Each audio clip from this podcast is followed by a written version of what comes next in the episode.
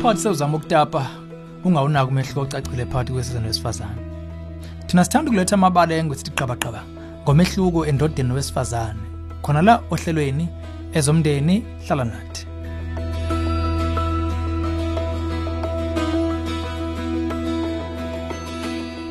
Ngithatha ithuba ngikubengelele ezomndeni uhlelo lakulethela izeluleko eziphathekayo ngaba focus on the family.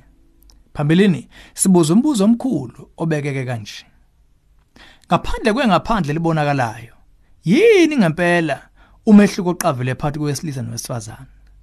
Sengibe nokudideka okukhulu ngemiyalezo eshiwoyo ngobulili nangendlela okubizwa khona kumbe ngakhona. Ngikholwa ukuthi ukhona umehluko ebulilini bobili odinga ukuchunyiswa ngendlela. Ngakolunye uhlangothi ngiye ngiphela amagama abangani bami bethi angichaze phela ningangisiza. Umehluko omkhulu kakhulu kowesilisa nowesifazane ngokwemvelo nesakheko somqondo. Zisuka nje. Kwincwadi yokuqala eBhayibhelini uGenesis siyatshela ukuthi uNkulunkulu wamdala umuntu ngomfanekiso kaNkulunkulu wabadala owesilisa nowesifazane. Genesis 1:27 udaba lapha liyacaca ukuthi lo mehluko awungakho ngokwemvolo luntu uphinde ube futhi isibuko sokomoya. Lana thizeni singekubambe konke lokho ngengqondo. Kusiphi isithombe somdali osithakele esingembone ngamehlo? Unguzicuza intathu manje imuphi kanti umehluko ngikhiye ngowesizwe nowesifazane na? Encwadini ethi Secure Daughters Confident Sons ebhalwe nguGlenn Stanton. Ubhala uhla lomehluko ocacile akholwa kuba yiwo oluphawu olucacile wesizwe nowesifazane loluhla alakhwela ukwenza bonke abantu bafane. Wonke umuntu ngamunye wehlukile. Kunalokho singakhuthaza ukuba wakhele kuloluhla kumele luhlaka luka Stanton ukuba nesiqo esiyiso sobufazane nobulisa. Ake sibuke nje kubuka komuntu wesilisa ngoka Stanton uthi okokuqala uthanda ukuthola okusha nokuthi kwenzeke kanjani. Wonke umfana nendoda hlala izibuza uyithola ubuyena kule kamhlaba ngokomuzwa oyimpokophelo nesiphetho asiqondile. Okwesibili abesilisa balubekela ukuphothula ukufika esiphethweni salokhu bebezibuza ngakho. Amadoda ahlale efuna ukwazi ukuthi yini elandelayo. Awefani nowesifazane oyathanda ukuthokozela okukhona ngaleso sikhathi. Amadoda ahlale eqaphe amathuba phecelezi opportunistic. Umuzwa ukuthi kunakwenzayo kumbe isizathu sokwenza kubaleka ingxenye emaqhathazo nokushisekela ithuba lokunqoba. Amadoda athatha ama chance kuyimvela kwesilisa kuba sezingeni lokwazi ukuthatha irisk indlela thizeni empilweni. Amadoda futhi angabaqali. Indoda ikwazi ukuqwala intaba qedita icingo kuyinqobe.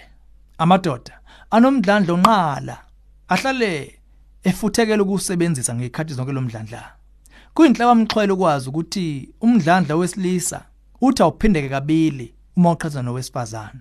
Okugcina ngamadoda anomuzwa wokuqophisana nokubusa competition and dominance.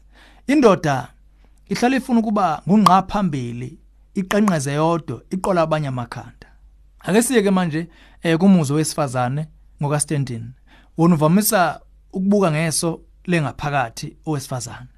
Abesifazane bayakwazi kakhulu ubudlelwane bengaphakathi nokusondelana. Owesifazane unomuzo onqala ngomuntu wangaphakathi kunokwenza izinto. Lo muntu ongaphakathi kuye uzizwe ngumuntu uma ekezobudlelwane ezinhle kumbe obuhle. Owesifazane unobuhlakani ekumukeleni. Owesifazane akangena ebudlelaneni ngokusheshsha ukhetha kahle ngesineke. Abesifazane bafuna ukuzizwa befudumele bephephile. Bahlale befuna ukuzizwa besezingeni bethandiwe bengathembela kowesilisa.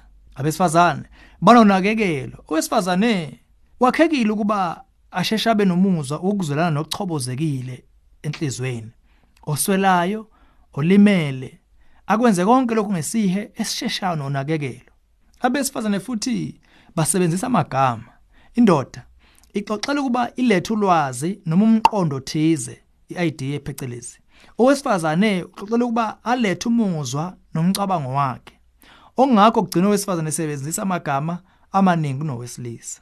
Owesifazane ushisekela ukulingana nokuthobela. Owesifazane ufuna ukuzizwa elingana nowesilisa kodwa phinde futhi khona lapho abe nentshisekelo edephile yokuholwa avikelwe anakekelwe. Abesifazane baba nomdlandlo omkhulu womthelela ngokukhalipha ikakhulukazi emshadweni nakwezasekhaya ba-influential ngokwemvelo yabo. Okokugcina owesifazane wakheke ngokuxhumana nabantu abaningi kumazinga ahlukahlukene.